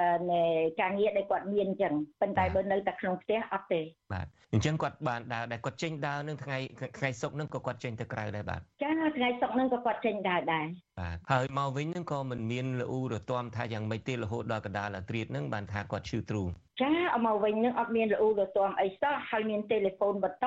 បន្តគាត់និយាយទូរស័ព្ទរហូតទៅដល់ម៉ោង1នោះបាទ ម៉ោង1យប់ចាបាទរហូតដល់ម៉ោង1យប់ទូរស័ព្ទបន្តទូរស័ព្ទជាមួយអ្នកស្រីឬមួយជាមួយអ្នកដទៃខ្ញុំស្ដាប់ចំណុចនេះមិនទាន់បាទជាមួយជាមួយអ្នកផ្សេងផ្សេងជាមួយអ្នកផ្សេងផ្សេងក្រុមការងាររបស់គាត់នៅតែជែកគ្នារហូតដល់ម៉ោង1យប់នឹងទេរហូតដល់ម៉ោង2យប់នឹងបានដល់ម៉ោង1ចាទោះឲ្យខ្ញុំនឹងខ្ញុំក៏ដេកវាមិនសូវលក់ដែរព្រោះគាត់ទៅជែកទៅខ្ញុំក៏ចេះតែលឺអឺបន្តបន្តទៅណាបាទ អឺខ្ញុំជាមនុស្សដែលសម្ភាសលោកងួនសឿជាចុងក្រោយអ្នកស្រីបានដឹងហើយសម្ភាសពីរដងហើយការដែលសម្ភាសនេះការពិតនឹងខ្ញុំក៏មិនសូវបានចាំលោកងួនសឿដែរសាច់រឿងនឹងវាបែកវាយូរណាស់មកហើយហើយគាត់បាត់មុខពីឆាកនយោបាយនឹងពីលើព័ត៌មាននឹងក៏យូរមកហើយក៏ប៉ុន្តែទីបំផុតនឹងលោកងួនសឿបានព្យាយាមសួរគេសួរឯង ហើយរកទូរស័ព្ទខ្ញុំទាល់តែឃើញហើយលោកក៏ទូរស័ព្ទមកខ្ញុំកណ្ដាលអាត្រៀតដែរអ្នកស្រីប្រហែលជាចាំក៏ទូរស័ព្ទមកខ្ញុំម៉ោង2ភ្លឺថ្ងៃណាចាំចាំបាទខ្ញុំចាំហើយបើសិនជាខ្ញុំមិនភ្លេចទេអាទិត្យហ្នឹងគាត់ត្រូវមានសម្ភារជាមួយលោកជួនច័ន្ទបតទៀតទៅហើយបើគុំតែមានរឿងគ្រោះកើតឡើងនឹង បាទអ្នកស្រីជ្រាបថាមូលហេតុអីទេបានជាគាត់ខំស្វះស្វែងរកទូរស័ព្ទមកខ្ញុំហើយត្រូវតែនិយាយអ្វីដែលបកស្រាយអ្វីដែលលោកចង់បកស្រាយនឹងតើមានរឿងអីដែលលោកចង់សម្ភាសបែបនេះចង់ផ្ដល់ព័ត៌មានដល់អាស៊ីសេរីបែបនេះចាខ្ញុំអត់ដឹងទេរឿងកិច្ចការរបស់ប្តីខ្ញុំណាព្រោះអីខ្ញុំជាមនុស្សស្រីហើយខ្ញុំមានប្រាំងស៊ីបមួយ គឺมันច្របូកច្បល់នឹងកិច្ចការរបស់ប្តីទេបាទ អរគុណឥឡូវនេះបើមិនទៅជែករឿងនឹងនិយាយពីសាកសពទៅវិញហើយសាកសពនឹងមកដល់ពេលនេះនៅមន្ទីរពេទ្យហើយគេធ្វើកសលវិច័យមែនទេបាទមិនមែនពាក្យថាកសលវិច័យដូចជាមិនត្រូវទេពួកខ្ញុំកំពុងតែធ្វើតេស្តធ្វើតេស្តរមើលឲ្យបានសពគ្រប់កាលណាកសលវិច័យត្រូវវះកាត់សពហើយកូនចៅខ្ញុំគេមិនព្រមព្រោះកាលណាវះកាត់ទៅវាត្រូវជា ចង់និយាយថារូបវាមិនស្អាតវាមិនល្អដូចតែទាំងមូលដល់អញ្ចឹងកូនចៅអត់ព្រមអញ្ចឹងវាមានរបៀបគេផ្សេងទៀតដើម្បីបន្តតេស្តនឹងទៅមុខទៀតចាតើធ្វើតេស្តនឹងចង់បានចង់ដឹងលទ្ធផលបែបណាខ្លះធ្វើតេស្តគាត់អាចកើតកូវីដធ្វើតេស្តអាចមានបញ្ហាគេបំពុលឬមួយធ្វើតេស្តបែបណាដែលគ្រួសារចង់ឲ្យគេធ្វើតេស្តនេះបាទអឺខ្ញុំចង់ទាំង3នឹងលោកជួនចាត់បុតបាទ ចង់ទាំង3នឹងបាទចង់ដឹងថាតើជំងឺប្រកបចង់ណែកែងលូមានជាតិពុលកែងលូអ្នកណាដាក់ថ្នាំអីក្នុងទឹកផឹកកាហ្វេឬក៏ស្អីឬក៏គេចាក់ថ្នាំអីខ្ញុំខ្ញុំចង់ដឹងហើយអាកូវីដហ្នឹងក៏ចង់ដឹងដែរសំណួរចុងក្រោយរបស់ខ្ញុំទេបើសិនជាធ្វើតេស្តអីរួចរាល់ហើយតើពេលណានឹងត្រូវធ្វើពិធីបុណ្យសពរបស់លោកជាចុងក្រោយបញ្ចុះឬមួយក៏បូជាបាទ អឺត្រង់នឹងខ្ញុំអត់ទាន់ហ៊ានឆ្លើយជំរាបលោកជួនច័ន្ទបុតថាបច្ចុប្បន្នឬក៏បូជាទេណាព្រោះអីខ្ញុំនៅក្នុងការរិះគិតជាមួយនឹងកូនចៅទាំងអស់គ្នា បាទអញ្ចឹងខ្ញុំសូមអរគុណអ្នកស្រីហើយសូមចូលរួមមរណទុកនេះម្ដងទៀតជាមួយនឹងអ្នកស្រីនិងក្រុមគ្រួសារអ្នកស្រីខ្ញុំបាទសូមជម្រាបលាសិនហើយនឹងសូមអនុញ្ញាតតាក់ទងតាមក្រោយទៀតដើម្បីឲ្យដឹងព័ត៌មានអំពីការធ្វើតេស្តនឹងបាទចាខ្ញុំអរគុណលោកជួនច័ន្ទបុតជម្រាបលាបាទជម្រាបលាអ្នកស្រីបាទ ចាលោកនាងជាទីមេត្រីលោកនាងទៅបានស្ដាប់បទសម្ភាសន៍រវាងលោកជួនច័ន្ទបតនិងភរិយាលោកងួនសឿ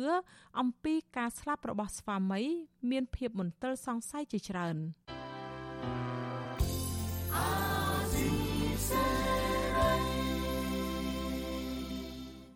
ចាលោកនាងជាទីមេត្រីមន្ត្រីអង្គការសង្គមស៊ីវិលសង្ស័យថាមានអំពើពុករលួយក្នុងស្ថាប័នរដ្ឋធ្វើអាហារខូចគុណភាព និងមានសារធាតុគីមី ដែលប៉ះពាល់ដល់សុខភាពអ្នកប្រើប្រាស់នៅតែបន្តនាំចូលនិងមានលក់នៅតាមទីផ្សារចាលោកមួងណារ៉េតរាយការណ៍ជំវិញព័ត៌មាននេះមន្ត្រីអង្គការសង្គមស៊ីវិលថាដើម្បីទប់ស្កាត់កុំឲ្យអាហារខូចគុណភាពនិងអាហារដែលមានសារធាតុគីមីឲ្យមានប្រសិទ្ធភាពបាននោះគឺទាល់តែស្ថាប័នធំៗរបស់រដ្ឋ ដូចជាស្ថាប័នជំនាញផ្នែកត្រួតពិនិត្យទំនិញស្ថាប័ននគរបាលដែលមានមុខងារបង្ក្រាបស្ថាប័នតុលាការដែលមានមុខងារកាត់ទោសអ្នកប្រព្រឹត្តខុសនិងរដ្ឋសភាដែលពិនិត្យសេចក្តីព្រៀងច្បាប់ឬក៏សេចក្តីស្នើច្បាប់ដើម្បីសុខភាពសាធារណៈរួមគ្នាបដិញ្ញា បំពេញការងាររបស់ខ្លួនប្រកបដោយការទទួលខុសត្រូវខ្ពស់និងមានភាពឯករាជ្យប្រធានអង្គការសម្ព័ន្ធគណនេយ្យភាពសង្គមកម្ពុជាលោកសនជ័យថាបើធ្វើដូច្នេះបានមែន ប្រជាពលរដ្ឋខ្មែរនឹងស្បើយពីការព្រួយបារម្ភនិងកង្វល់រឿងប៉ះពាល់សុខភាពដោយសារតែអាហារទាំងនោះក៏ប៉ុន្តែលោកសង្កេតឃើញថាអាហារខូចគុណភាពនិងមានសារធាតុគីមីនៅតែបន្តមានលក់នៅតាមទីផ្សារដែលអាជ្ញាធរចាប់បានជារៀងរាល់ថ្ងៃលោកសង្ស័យថាស្ថាប័នបង្ក្រាបនិងស្ថាប័នផ្ដល់សិទ្ធិនាំចូលអាចមានបញ្ហាខុបខិតគ្នាជាមួយនឹងឈ្មួញទុច្ចរិតប្រព្រឹត្តអំពើពុករលួយនិងការត្រួតពិនិត្យគ្មានភាពច្បាស់លាស់ រួមផ្សំនឹងអំពើបកពួកនិយមនិងក្រុមមានឥទ្ធិពលដែលរំលោភអំណាចផងទើបរឿងអាហារខូចគុណភាព នៅតែបន្តកើតមានឡើងមិនចេះចាប់មិនចេះហើយបែបនេះលោកសនជ័យថាបញ្ហានេះអ្នកដែលរងគ្រោះថ្នាក់និងរងគ្រោះខ្លាំងជាងគេ គឺអ្នកប្រើប្រាស់គាត់ក៏ក៏រងផលប៉ះពាល់ដោយសារលេងការធ្វើប្រហែសឬក៏គេហៅថាមជ្ឈបាយមួយដែលកើតចេញមកដោយសារអំពើពុករលួយឬក៏គេហៅថាជាមជ្ឈបាយ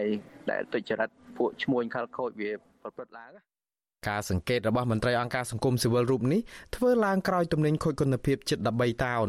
ត្រូវបានរកឃើញនៅតាមទីផ្សារនៅទូទាំងប្រទេសកាលពីខែមករាកន្លងទៅបើតាមសេចក្តីរាយការណ៍ប្រចាំថ្ងៃរបស់អគ្គនាយកដ្ឋានការពារអ្នកប្រើប្រាស់កិច្ចប្រកួតប្រជែងនិងបង្ក្រាបការក្លែងបន្លំឬហៅកាត់ថាកបបទំនិញដែលខូចគុណភាពទាំងនោះភាគច្រើនជាចំណីអាហារគ្រឿងសមុទ្រដែលចាក់បញ្ចូលសារធាតុគីមី និងលេលាបស្បែកជាដើម។ ទំនិញខូចគុណភាពទាំងនេះអាជ្ញាធររកឃើញភ ieck ច្រើននៅខេត្តជាប់ព្រំដែនវៀតណាមដូចជាខេត្តតាកែវកំពតនិងស្វាយរៀងនៅក្នុងនោះអាជ្ញាធរកបបកាលពីថ្ងៃទី17ដល់ថ្ងៃទី21ខែមករា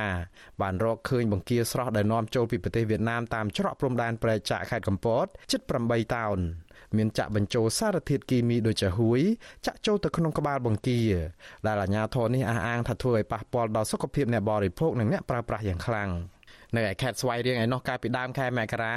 អាជ្ញាធរដដែលរកឃើញទំនិញខូចគុណភាពជាង3តោនដែលលក់នៅតាមទីផ្សារនៅក្នុងខេត្តនេះទំនិញខូចគុណភាពក៏មានរកឃើញនៅទីក្រុងភ្នំពេញខេត្តកណ្ដាលត្បូងឃ្មុំ កំពង់ឆ្នាំងកំពង់ស្ពឺកោះកុងក្រចេះបាត់ដំបងឧត្តរមានជ័យនិងរតនគិរីជាដើមអាញាធរកបបអះអាងថាទំនិញដែលខូចគុណភាពទាំងនេះត្រូវបានរឹបអូសនិងដុតកំទេចចោលនិងម្ចាស់ទំនិញត្រូវរងការផាកពិន័យ ក៏ប៉ុន្តែស្ថាប័នត្រួតពិនិត្យទំនិញនេះមិនបានបញ្ជាក់ថាអ្នកប្រព្រឹត្តខុសទាំងនោះរងការផាកពិន័យកម្រិតណានិងដោយរបៀបណានោះឡើយវិទ្យុអាស៊ីសេរីមិនទាន់អាចសុំការបំភ្លឺពីប្រតិភូរដ្ឋាភិបាលទទួលបន្ទុកអគ្គនាយកនៃអគ្គនាយកដ្ឋានកបបលោកផានអូនបានណឡៃទេកាលពីថ្ងៃទី1ខែកុម្ភៈក៏ប៉ុន្តែលោកបានប្រាប់សារព័ត៌មាននៅក្នុងស្រុកថាករណីបាត់ល្មើសពាក់ព័ន្ធនឹងការប្រើប្រាស់សារធាតុគីមីទៅលើម្ហូបអាហារកើនឡើងជាងមុន បើតាមរបាយការណ៍របស់អគ្គនាយកដ្ឋានកបបនេះកាលពីឆ្នាំ2021កន្លងទៅទំនិញប៉ះពាល់សុខភាពអ្នកប្រើប្រាស់ចំនួនជិត36តោនកន្លះត្រូវបានរកឃើញនៅតាមទីផ្សារនៅទូទាំងប្រទេស។នៅក្នុងពេលជាមួយគ្នានេះខាងក្រសួងសុខាភិបាលឯណោះវិញក្រសួងនេះកាលពីខែមករាឆ្នាំ2022បានហាមឃាត់ការលក់ដូរឬក៏ចែកចាយផលិតផលចំនួន16មុខដែលគ្មានលេខបញ្ជីការពីក្រសួងសុខាភិបាលក៏ប៉ុន្តែកំពុងតែដាក់លក់តាមបណ្ដាញសង្គម Facebook ផលិតផលទាំងនោះមានដូចជាគ្រឿងសម្អាងឱសថផលិតផលបំពន់សុខភាពផលិតផលចំណីអាហារនិងថ្នាំបាញ់បំបត្តិឈឺសន្លាក់ជាដើម។ កន្លងទៅប្រជាពលរដ្ឋព្រួយបារម្ភអំពីអាហារដែលមានសារធាតុគីមីនិងកំពុងតែដាក់លក់នៅតាមទីផ្សារដែលប្រជាពលរដ្ឋមិនអាចដឹងបានថាអាហារណាមានជាតិគីមីឬគ្មានពលគឺតើតែអាជ្ញាធរមានសមត្ថកិច្ចជំនាញផ្នែកត្រួតពិនិត្យគុណភាពចំណីអាហារទើបដឹងបានក៏ប៉ុន្តែជាការឆ្លើយតបលោកនាយរដ្ឋមន្ត្រីហ៊ុនសែនបានទម្លាក់ការទទួលខុសត្រូវនេះទៅលើប្រជាពលរដ្ឋដែលជាអ្នកប្រើប្រាស់លោកធ្លាប់ស្ដីបន្ទោសប្រជាពលរដ្ឋថាមិនចេះមើលខ្លួនឯងរឿងអាហារគីមីឬក៏ខូចគុណភាពនេះ តែបែរជាចាំតែជេរស្ដីបន្ទោសរដ្ឋាភិបាលទៅវិញខ្លួនឯងទៅទិញអានឹងយកមកស៊ីស៊ីឲ្យជំងឺជេររដ្ឋាភិបាលហើយស៊ីខ្លួនឯងសោះហើយមកជេរគ្នាដែរស៊ីខ្លួនឯងស្អីខ្លួនឯងទៅទិញខ្លួនឯងហើយចុះមិនរើសលោកហ៊ុនសែនថាបើពិបាកពេកលោកឲ្យនាំគ្នាធ្វើពហិការឈប់ទិញផលិតផលណាដែលមានជាតិគីមីឬខូចគុណភាពទាំងនោះលោកថាបើអ្នកទិញឈប់ទិញអ្នកលក់ក៏លក់លែងដាច់គឺវាចាប់រឿងបាត់ទៅហើយ ក៏ប៉ុន្តែប្រជាពលរដ្ឋថានោះមិនមែនជាដំណោះស្រាយសមស្របនោះទេព្រោះប្រជាពលរដ្ឋគ្មានជំនាញឯកទេសនៅក្នុងការពិនិត្យមើលថាតើអាហារណាមានជាតិគីមីឬក៏ខូចគុណភាពនោះដែរពួកគាត់ជឿទុកចិត្តទៅលើមន្ត្រីជំនាញរបស់រដ្ឋដែលពលរដ្ឋបង់ពន្ធដើម្បីផ្ដល់ប្រាក់ខែដល់អ្នកទាំងនោះឲ្យបំពេញការងារនិងភារកិច្ចធានាសុវត្ថិភាពជូនប្រជាពលរដ្ឋ យុវជនលីច័ន្ទរាវុធដែលតែងតែជឿឆ្អាលបញ្ហាសង្គមរហូតធ្លាប់ត្រូវអាជ្ញាធររដ្ឋាភិបាលលោកហ៊ុនសែនដាក់ពន្ធនាគាររាប់ខែប្រាប់វិទ្យុអាស៊ីសេរីទាំងហួសចិត្តថាដោយសារតែសម្ដីមេដឹកនាំបែបនេះឯងទើបបញ្ហាជាច្រើននៅតែគ្មានដំណោះស្រាយខ្ញុំយល់ថាអានឹងគឺជាសំណួរវោហាសាស្ត្រគាត់ហើយគិតពីផ្នែកបច្ចេកទេសផ្នែកគ្រប់គ្រងរដ្ឋគឺវាផ្ទុយគ្នាស្រឡះ180ដឺក្រេដោយសារតែរដ្ឋមានទូនាទីជួយពិនិត្យការនាំចេញនាំចូលហ្នឹង ទូនទីសុខភាពហ្នឹងមិនមែនជាប្រជាជនគាត់ត្រូវត្រួតពិនិត្យខ្លួនឯងទេព្រោះឯប្រជាជនគាត់គ្មានឧបករណ៍សម្រាប់ត្រួតពិនិត្យមើលជាតិគីមីគាត់គ្មានវ៉ែនតាវេទមន្តណាទៅមើលដឹងថាបន្លែហ្នឹងគីមីគីមីយុវជនលីច័ន្ទរាវុធបន្ថែមទៀតថាដោយសារតែបន្លែបង្ការនិងអាហារនៅទីផ្សារកម្ពុជាភាគច្រើននាំចូលពីក្រៅប្រទេសជាពិសេសប្រទេសជិតខាងយកល្អរដ្ឋាភិបាលគួរតែពង្រឹងការទប់ស្កាត់ការនាំចូលទំនិញទាំងនេះនៅឯច្រកទ្វារព្រំដែនឯណោះ មិនមែនបើកឲ្យចូលតាមចិត្តហើយទើបនាំគ្នាដើរមើលតាមទីផ្សារដោយចោះចោះដើម្បីដកហូតទំនិញខូចគុណភាពទាំងនោះមកវិញបែបនេះនោះទេទីមួយយើងអាចប្រកែបអ្នកដែលលួចនាំចូលអាហារដែលមានជាតិគីមីនឹងផងដើម្បីដាក់ទោសទៅលើអ្នកទាំងអស់ហ្នឹងឲ្យអ្នកដទៃទៀតហ្នឹងខ្លោបខ្លាចទៅនឹងការអនុវត្តច្បាប់របស់យើងក៏ប៉ុន្តែការអនុវត្តច្បាប់នេះក៏នៅតែធូររលុងច្រើនព្រោះសូម្បីតែប្រធានមន្ត្រីពង្រឹងការអនុវត្តច្បាប់ក៏ត្អូញត្អែនឹងខកចិត្តរឿងនេះដែរ រដ្ឋមន្ត្រីក្រសួងមហាផ្ទៃលោកសខេងកាលពីថ្ងៃទី25ខែមករាថ្លែងជាសាធារណៈអំពីការខកចិត្តនេះដោយលោកថាអាញាធរបើកដៃឲ្យឈ្មោះនាំចូលសារធាតុញៀនជាង100តោនមកកម្ពុជាដោយស្របច្បាប់កាលពីខែមករាកន្លងទៅ3ថ្ងៃមុននេះរកឃើញជាង100តោនអញ្ចឹងសួរថាអ្នកណាទទួលខុសត្រូវក្នុងការនាំសារធាតុញៀននឹងមកខ្ញុំគិតថាទៅរកឲ្យឃើញអ្នកទទួលខុសត្រូវព្រោះនាំព្រះសញ្ញេអនុញ្ញាតឲ្យគេយកចូលមក ចឹងហើយសូមឲ្យក្រសួង ជាក្រសួងអាជ្ញាប័ណ្ណខ្ញុំនិយាយប៉ុណ្ណឹងខ្ញុំមិនបាច់និយាយឈ្មោះទេដឹងហើយក្រសួងអាជ្ញាប័ណ្ណសូមអាយដាមរដ្ឋមន្ត្រីមើលរឿងហ្នឹងបើមិនចឹងទេអាយដាមជាប់ជំពាក់ទទួលខុសត្រូវចំពោះសង្គមកម្ពុជាតកតងនឹងការបំផ្លាញសុខភាពសាធារណៈរហូតមកដល់ពេលនេះនៅមិនទាន់មានសេចក្តីរាយការណ៍ណាមួយអំពីថាតើមន្ត្រីណាចេញមុខទទួលខុសត្រូវចំពោះរឿងនេះនៅឡើយទេរដ្ឋធម្មនុញ្ញចែងអំពីការទទួលខុសត្រូវរបស់រដ្ឋចំពោះសុខុមាលភាពរបស់ប្រជាពលរដ្ឋ ប្រការនេះធ្វើឲ្យប្រជាពលរដ្ឋចោទជាសំណួរថាសូម្បីតែសារធាតុញៀនជាង100តោនត្រូវក្រសួងអាជ្ញាប័ណ្ណអនុញ្ញាតឲ្យនាំចូលដោយស្របច្បាប់បានចុះទម្រាំចំណីអាហារគីមីនិងខូចគុណភាព ដែលប៉ះពាល់ដល់សុខភាពសាធារណៈតើបាននរណាទទួលខុសត្រូវខ្ញុំបាទមុងណារ៉េត With you Azizi ប្រធានាទី Washington